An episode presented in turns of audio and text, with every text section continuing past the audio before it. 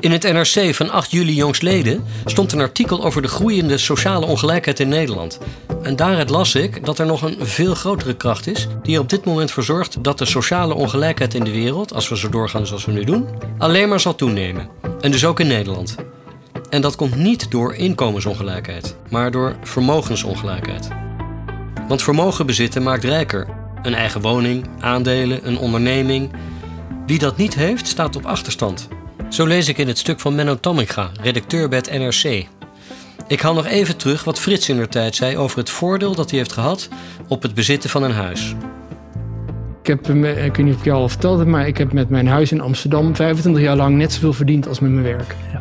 En dat, dat vind ik iets bezopends. natuurlijk heb ik het als een goed ja, huisvader beheerd, maar het is wel een beetje buiten proportie. En vertel mij niet dat de woningstijging van de woningmarkt in Amsterdam... dat dat mij ten goede komt. Want daar kan ik niks aan doen. De aanleiding van deze podcastserie is diezelfde overtuiging van Frits. Dat zijn huidige welvaart vooral door geluk komt, mazzel hebben gehad... en maar in kleine mate zijn eigen verdienst is. En dat hij om die reden maar liefst de helft van zijn jaarlijkse omzet weggeeft aan goede doelen. Goede doelen die mensen helpen die minder geluk hebben gehad. Wat ik me steeds afvraag is: waarom geef ik eigenlijk niet net zoveel als Frits? En hoe kan ik dat dan met net zoveel voldoening en plezier doen als dat hij eraan beleeft? In de vorige aflevering heb ik wat research gedaan naar het belang, volgens Frits, van waar je wieg gestaan heeft. Iets waar je natuurlijk zelf geen enkele invloed op hebt gehad. De aardeskundeleraar die ik op YouTube vond, die vertelde over allerlei natuurlijke, historische, economische en politieke factoren die van grote invloed zijn op de kansen die je krijgt. En je welzijn en welbevinden. In deze aflevering ga ik daarmee verder en ik wil nog iets dieper inzoomen op een actuele economische dimensie. De steeds groter wordende kloof tussen arm en rijk in de wereld. De 85 rijkste mensen ter wereld bezitten nu de halve aarde. 85 mensen. Ze passen zo in een gemiddeld restaurant. Het verschil tussen de top en ieder ander was nog nooit zo groot. Depuis le début de ce siècle, monde Sinds het begin van deze eeuw is de rijkdom in de wereld met 70% gestegen. Aan het woord is Jean-Louis Servan-Schreiber in een aflevering van KRO Brandpunt. Frans journalist, mediamagnaat en filosoof. Hij waarschuwt ons voor het gevolg van de extreme scheefgroei in de wereld. La puissance financière aujourd'hui dans le monde est plus importante que la puissance politique. De financiële macht in de wereld is momenteel belangrijker dan de politieke macht, zegt hij. De wraak van de rijken noemt hij het. Hoe de kleine toplaag in de afgelopen 30 jaar de macht naar zich toe wist te trekken en waarom ze niet meer af te remmen zijn. Volgens multimiljardair Warren Buffett woedt er nog steeds een klassenstrijd. En het zijn de rijken die winnen, zegt hij. Hij is heel kritisch over het Amerikaanse belastingstelsel. If you take my payroll taxes and my income tax in relation to my total income, I pay less as a percentage of my income than my secretary does. Buffett maakt zich dus druk over het feit dat hij te weinig belasting betaalt. Relatief gezien zelfs veel minder dan zijn secretaresse.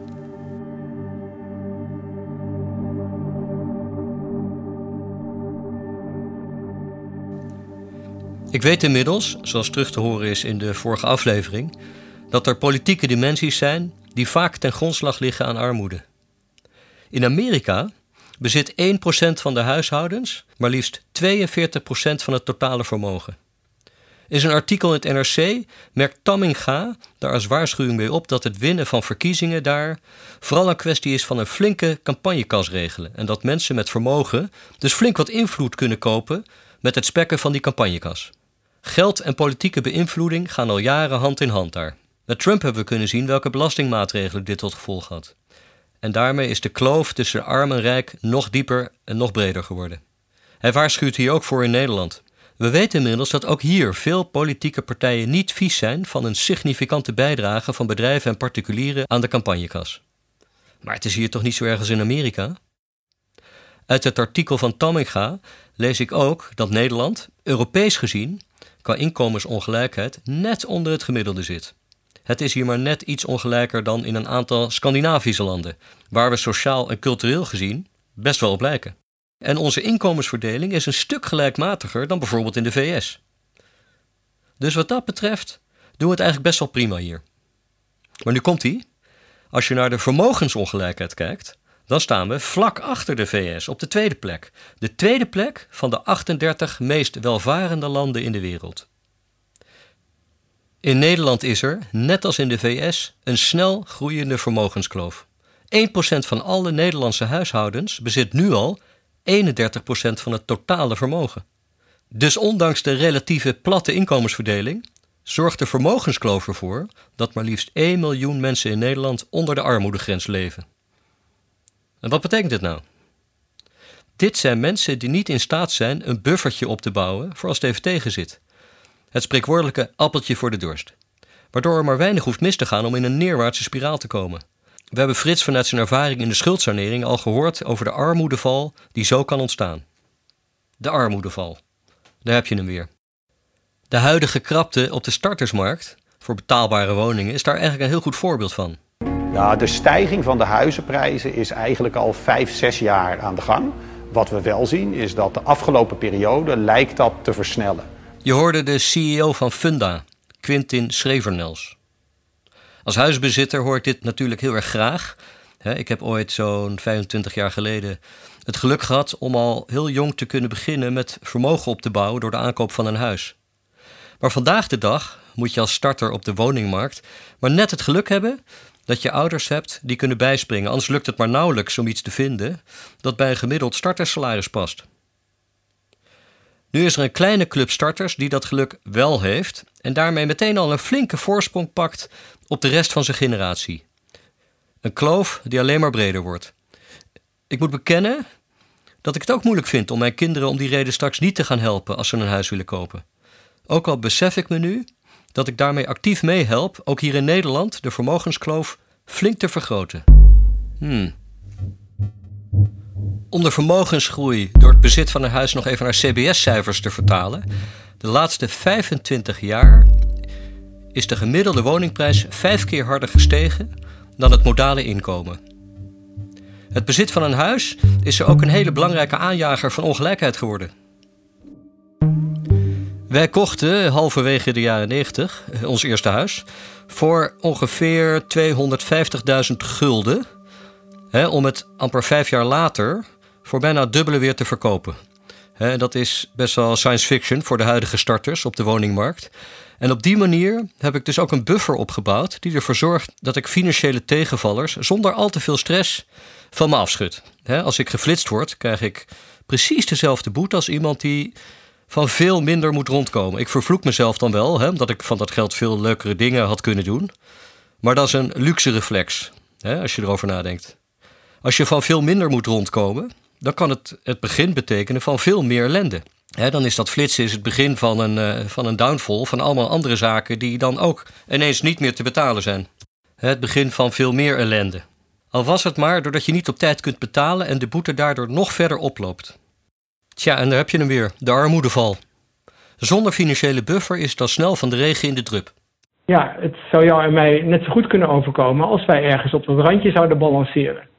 Want het, zo moet je het echt zien. Het is echt een randje. En uh, ja, als je even pech hebt, dan val je eroverheen. Uh, kijk, als je vermogend bent en je gaat scheiden, dat doet natuurlijk ook pijn. Maar uh, je raakt daar niet van in de schuldsanering. Maar mensen die uh, al weinig hebben en uh, dan opeens allebei een woning moeten financieren, huur, 9 van de 10 gevallen natuurlijk. Ja, dat, dat hakt er zo ontzettend in op dat inkomensniveau. Als je bedenkt dat je van, nou, noem eens wat, 1500 tot 2000 euro per maand moet leven. En dat moet dan opeens door tweeën gedeeld worden. Ja, dat is uh, haast niet te doen voor nee. één huishouden van 1000 euro. Ik kan me voorstellen dat, uh, dat Bill, Bill, en Melinda Gates, die dus nu uit elkaar gaan, dat met name degene die er, die er uh, slapeloze nachten van hadden, waren alle, alle goede doelen die ineens uh, dachten: ja. God, wat, ja. gebeurt, wat gebeurt er met onze penningen? Maar goed, ik heb dus ook het geluk dat ik een appeltje voor de dorst, hè, een fruitmand misschien wel, achter de hand heb. Dit soort fruitmanden kunnen zelfs uitgroeien tot financiële buffers die een zelfstandige kracht worden. Genoeg om zelfs, dat is in Amerika, politieke invloed uit te oefenen, om dit voor de toekomst nog verder te borgen. Een financieel voordeel dat je tijdens je leven ook kunt gebruiken om je voorsprong te behouden. En kansen voor je kinderen verder te vergroten. Kinderen die het geluk hebben dat hun wieg op de goede plek stond. Misschien een goed moment voor de context van deze podcast om het eens even over mijn eigen situatie te hebben. ik leid een heel comfortabel bestaan, zowel privé als zakelijk is veel goed gegaan. En ik kom helemaal niks tekort. Mijn gezin ook niet. En daar ben ik ook echt wel van overtuigd. En net als Frits kom ik uit een warm nest. Mijn vader had een belangrijke functie bij een verzekeringsmaatschappij. We woonden in een riant huis in een welvarende, veilige dorpsomgeving. We gingen met regelmaat op vakantie en hadden een druk sociaal leven. Onder andere door het sportverenigingsleven, waarin ook mijn ouders trouwens heel erg actief waren. En een beetje je best doen op school, dat was bij ons eigenlijk vanzelfsprekend. En omdat ik daar zelf wat minder uh, enthousiast over was, school, ik vond het wat minder vanzelfsprekend, er werden er gewoon bijlessen geregeld.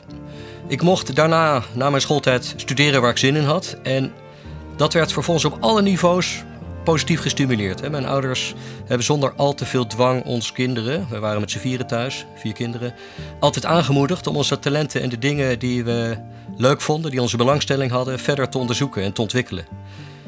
Dit in tegenstelling tot bijvoorbeeld de familiegeschiedenis van Susanna Jansen uit de vorige aflevering, zoals ze dat beschrijft in het Pauperparadijs. Nog even die quote van haar uit de vorige aflevering. Als je opgroeit in een situatie waarin je ouders zichzelf al niet kunnen redden, hoe kan je dan meekrijgen dat jij de wereld kan veranderen? Ik merk dat ik echt mijn best moet doen om momenten in het verleden te benoemen die van wezenlijk belang waren voor mijn huidige prettige financiële status. Het echt benoemen van die momenten van rugwind, dat vergt, zo merk ik, eigenlijk heel veel zelfrelativering. Voor wie nog bij deze podcastserie aangehaakt is, en ik hoop dat je dus nog zit te luisteren, ik kan het je echt aanraden. Probeer het eens. Begin gewoon inderdaad helemaal bij het begin. Waar ben ik geboren? En wat heeft dat voor consequenties gehad voor de rest van mijn leven? Het is voor hele succesvolle mensen, hè, dus ik, uh, ik durf dat uh, zeker niet van mezelf te zeggen, maar mensen die echt, echt iets bereikt hebben in het leven, vaak nog moeilijker om toe te geven hoeveel geluk ze hebben gehad bij het behalen van dat succes. Er was een heel mooi stuk van uh, Michiel de Hoog in de correspondent over dit onderwerp. En uh, hij haalde daarbij ook een wetenschappelijk onderzoek aan uh, over dit fenomeen. Twee Chileense sociologiestudenten, Molina en Buca heette die, die ontdekten tijdens een simpel kaartspelletje, president geheten, dat de winnaars van een potje geneigd waren om zichzelf op de borst te slaan, alsof ze beter hadden gespeeld dan de verliezers. Hey Google, wat kun je mij nog meer vertellen over het kaartspel President? Klootzakken, ook wel bekend als presidenten of negeren, is een kaartspel dat zijn oorsprong vindt in Japan. Het wordt gespeeld met drie spelers of meer en met een klassiek spel kaarten. Het doel van het spel is om als eerste uit te zijn en de volgende ronde president te zijn. Een kernonderdeel van het spel is dat de winnaars van de vorige ronde bevoordeeld worden omdat ze de beste kaart van de verliezers krijgen in ruil voor hun zwakste kaart. Dus dit is een spel dat is opgezet om oneerlijk te zijn. Of zoals Molina het zei, dit spel dat lijkt op het leven. Succes wordt deels bepaald door toeval. En heb je eenmaal succes, dan krijg je de kansen om nog succesvoller te worden. En dan achteraf toegeven dat dit succes toch voornamelijk op toeval, hè, noem het geluk, gebaseerd is, ja, dat blijken we in de praktijk met z'n allen toch erg lastig te vinden. Overigens, een andere naam voor dit spel is capitalism. Hun sociologische inzichten in dit nogal oneerlijke spel goten ze in een groot wetenschappelijk onderzoek, Science Advances geheten. En daar werd het fenomeen ook bevestigd. Zelfs als het spel overduidelijk werd bepaald door toeval, en door de spelregels dus, en zelfs als de deelnemers dat erkenden, en hoe konden ze dat ook niet, dan nog vonden de veruit de meeste winnaars dat ze beter hadden gespeeld dan de verliezers. Dat ze de winst hadden verdiend dus. Michiel de Hoog vat het onderzoeksresultaat als volgt samen, met een aardige knipoog naar zijn collega bij de correspondent Rutger Bregman. Of mensen iets eerlijk vinden, hangt niet alleen af van de regels, maar ook van of ze winnen of verliezen. Of anders gezegd, de meeste mensen deugen, behalve als ze winnen. Het blijkt dus moeilijk om succesvol te zijn en daarbij te erkennen dat dit misschien wel niet helemaal op je eigen konto te schrijven is. Dat je gewoon mazzel hebt gehad. Net zo moeilijk als het is om bij falen de schuld bij jezelf te zoeken. Als je zo over nadenkt, misschien wel pijnlijk herkenbaar. Terug naar Molina en Buca en hun vergelijking van dit kansspel met het echte leven. Zij zeggen: heb je eenmaal succes, dan krijg je kansen om nog succesvoller te worden.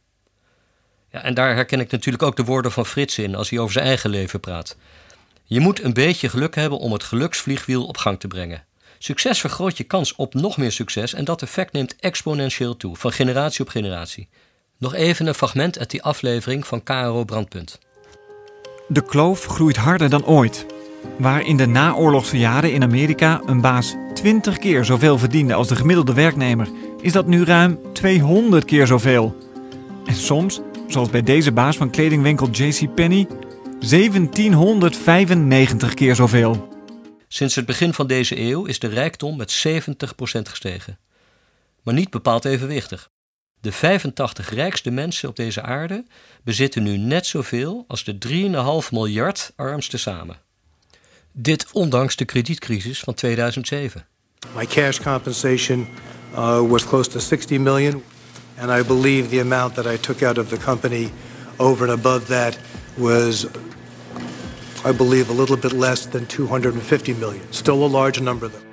Sinds de val van zakenbank Lehman Brothers in 2008 zijn er heel wat politieke verhoren en commissies geweest. Regels zijn aangescherpt. U zou dus kunnen denken dat de groei van extreme rijkdom nu wel aan banden is gelegd. Het tegendeel is waar. In Amerika ging sinds de crisis 95% van alle groei naar de rijkste 1%. Europa is vooralsnog iets minder extreem. 40% van onze rijkdom is in handen van de 1,3% rijkste. Maar dat groeit nog steeds heel erg snel. Oké, even samenvatten. Wat ben ik te weten gekomen? Er is veel sociale ongelijkheid in de wereld en zeker ook in Nederland. En vermogensongelijkheid speelt daarbij een belangrijke rol. Er is sprake van een kloof die steeds groter wordt. En daarmee hebben we ook te maken met een steeds groter wordende kansenkloof. Verder weet ik nu, en ik spreek voor mezelf, dat je echt je best moet doen om te accepteren dat het aan de goede kant van die kloof staan vaak meer geluk dan wijsheid is. En dat deze zelfrelativering ons allemaal moeilijk valt. Zo wijst in ieder geval onderzoek uit. Want wat was nou eigenlijk mijn eigen bijdrage aan de welvaart die ik nu geniet? Als ik het kan opbrengen dat te relativeren, dan staat ook de weg open naar het inzicht dat anderen gewoon minder geluk hadden. Wat het begin kan zijn van dat bijzondere, diep gewortelde gevoel dat mensen zoals Frits hebben, om daar echt ook iets aan te willen doen. Om het vliegwiel, dat bij minder gelukkigen de verkeerde kant op draait, te proberen te stoppen en misschien zelfs een zet de goede kant op te geven. Hoe je dat als individu nou in de praktijk kunt brengen, zonder steeds te worden geremd door dat rottige druppel op de gloeiende plaat gevoel, of nog demotiverender, komt mijn geld wel echt op de goede plek terecht? Vraag. Dat ga ik in een latere aflevering verder onderzoeken. Maar in de eerstvolgende aflevering wil ik meer te weten komen over het begrip effectief altruïsme, waar Frits altijd met zoveel overtuiging over spreekt. Waarbij hij goede doelen beoordeelt op effectiviteit, om zo zijn giften maximaal te laten renderen. Mindful doneren als het ware. Die mindfulness is waarschijnlijk een van de redenen dat hij met meer bevrediging geeft dan ik. Ik zal dan ook meteen mijn eigen aanname dat veel goede doelen te veel geld aan eigen organisatie besteden, door hoge overheidskosten en salarissen bijvoorbeeld, ter discussie stellen. In de wetenschap dat dit ook een rem op mijn geefgedrag is. Een aanrader in deze is alvast de TED-talk The Way We Think About Charity is Dead Wrong van Dan Palotta. Ga maar eens kijken. Op YouTube. Het heeft mij in ieder geval al heel veel inzicht gegeven in hoe irrationeel en inconsequent ik, en ik denk velen met mij, tegen veel caritatieve organisaties aankijken. Tot slot nog even wat belangrijke credits en disclaimers. Mijn naam is Pieter Scheltema en de podcast Geven voor Gevorderden is het resultaat van mijn lukrake zoektocht naar het nut, de noodzaak, de drijfveren en barrières rondom geven aan het goede doel. Iets wat nooit gelukt was zonder de aanmoediging en wijze input van inspirator en filantroop Frits Petit, de filosoof Karim Benamar, communicatiestrateeg Edward Stolze en last, but zeker not least, mentor en geluidsmacher Reinder van Zalk. Hun belangeloze bijdrage onderstreept onze gedeelde overtuiging dat het groeiende verschil tussen arm en rijk in de wereld veel meer aandacht verdient. Het liefdewerk oud papierkarakter van het project hoor je helaas wel door in de kwaliteit van de opnames. Mijn coronaproof, maar akoestisch, totaal onverantwoorde kantoortje aan huis zijn daar debet aan. Reinder heeft in de nabewerking geholpen om dit een klein beetje te verhullen. De serie is doorspekt met quotes en artikelen die ik al zoekend op het wereldwijde web heb aangetroffen. Maar eerlijk is eerlijk, ik heb geen enkele check gedaan of ik ze eigenlijk wel voor het doel mocht gebruiken. Dus ik hoop dat de intentie van het project, tezamen met de bronvermeldingen, voldoende is voor de betreffende schrijvers en sprekers om dat niet al te bezwaarlijk te vinden. En om nog even binnen het thema af te ronden, deel deze podcast gerust.